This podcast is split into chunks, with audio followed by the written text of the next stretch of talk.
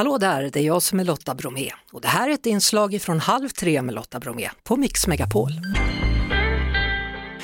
Hörni, vi har kommit in i julveckan och de flesta av oss vet såklart hur vi kommer att fira julen och med vilka.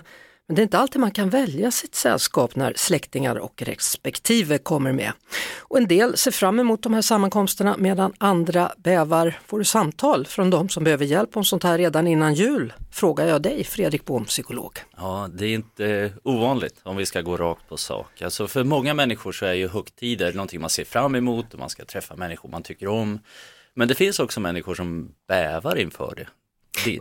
Va, vad säger de då när de ringer? Nej, i, de uttrycker sig ofta i termer av eh, du, hur hanterar jag en, en jättebebis som inte lyssnar eller vad ska jag göra, min familj driver mig till vansinne. De är ofta väldigt rakt på sak. Du ska få ge lite tips då kring olika steg man kan följa om en stund här då. Men är just julen en sån där helg på året då konflikter har lättare att eskalera tror du? Eh, ja, definitivt ja och delvis för att vi har så väldigt höga förväntningar. Det är nu vi äntligen ska få göra det där som vi har tänkt på länge och har man höga förväntningar så är också besvikelsen stor när de inte infinner sig. Så att man brukar säga i parterapibranschen att det är högkonjunktur i januari.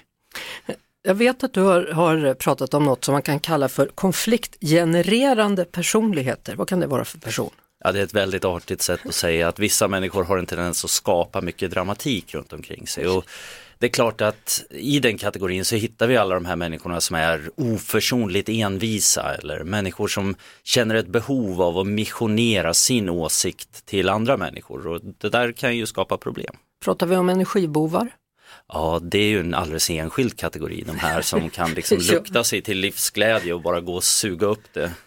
Och det är hemskt när du uttrycker det så. Va? Ja det är det ju men vi ska inte glömma att det vi pratar om nu det är bara saker man gör. Man pratar inte om hur man är för det är något annat.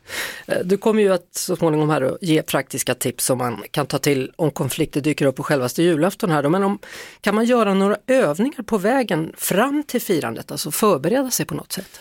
Ja, det är klart man kan göra, och det, men det handlar ju som vanligt om att man kan, man kan tänka efter och man kan reflektera kring sin egen roll. Därför att en sak som, som jag tror ofta hjälper att tänka på det är ju att resultatet, det vill säga vad som händer på julafton, vad som händer under firandet.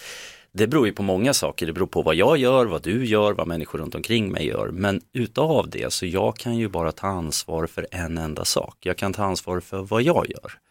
Och sen så får jag överlåta till andra människor att ta ansvar för sig själva. Så man börjar där, man börjar med sig själv. Man mm. börjar fråga sig vad vill jag göra, vilket ansvar vill jag ta? Då tror jag man har kommit långt. Ja, och då menar du att två saker händer i huvudet om man gör så? Förklara. Jo, mycket av problemet, alltså när vi hamnar med, i konflikt, det här vet ju alla som har blivit upprörda och arga någon gång, att vi säger och gör saker som vi inte kanske nödvändigtvis vill stå för i efterhand. Och börjar man reflektera lite grann över sin egen del, då händer två saker. Det ena det är att man får mycket större kontroll över hur man själv reagerar, vilket nästan alltid är bra. Mm. Och det andra, det är faktiskt att man också blir svårare att påverka för andra. Därför att är jag tydlig i mitt eget ställningstagande, om jag har reflekterat över vem jag vill vara, då blir det väldigt svårt för andra människor att dra med mig i deras sätt att tänka och resonera.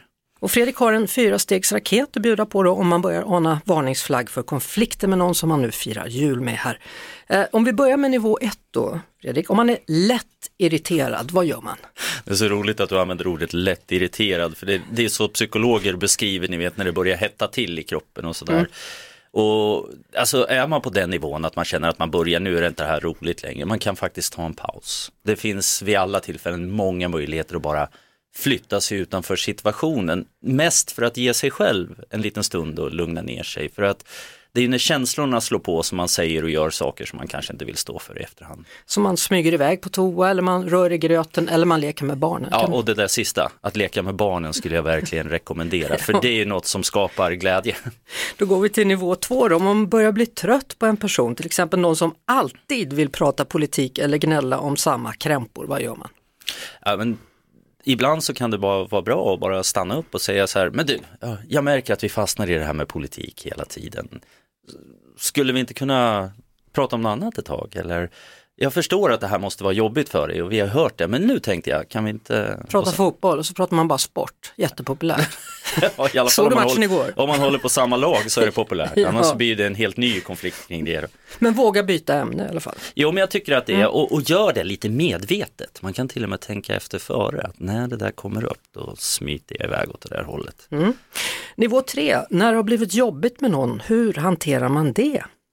Ja, och nu börjar det hetta till, för nu, nu det blir det ju situationer när man liksom kör fast. När det, när det liksom Kan blir- hela julafton bli förstörd här? Jo, men det, kan- det kan ju bli det och då tycker jag det är ganska bra att säga faktiskt ibland att vara väldigt ärlig och bara säga, vet du vad, jag tycker att det här blir jätteobehagligt. När, när vi kommer in på det här ämnet, när det, när det börjar hetta till på det här sättet, jag tycker faktiskt att det är jobbigt. Så jag gör så här, vet du vad, jag ska gå ut och hämta lite glugg och sen ska jag ta en pepparkaka och sen så kommer jag tillbaka om ett tag igen. Men att man belyser det och att man försöker försöker göra personen medveten om vad det är de gör och säger naturligtvis. Så våga vara rak om vad man tycker. Ja, eh, jag skulle säga var inte det på en gång nödvändigtvis, men om man, om man hamnar där så absolut.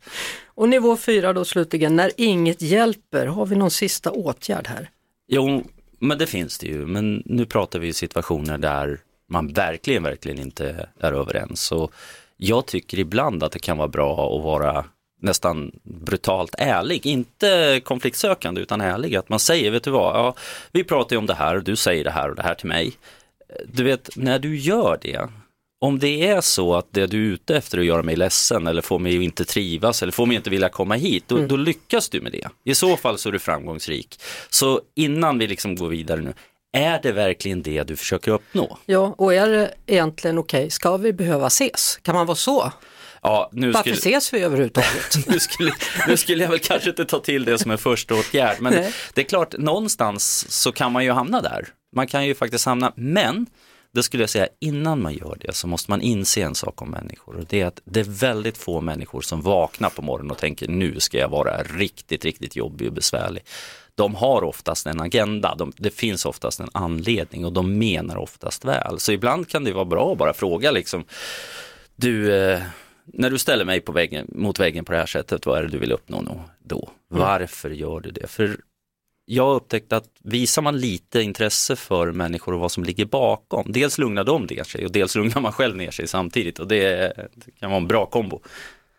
Tack så mycket Fredrik Bom och en riktigt stor god jul. Till dig också. Halv tre med Lotta Bromé på Mix Megapol.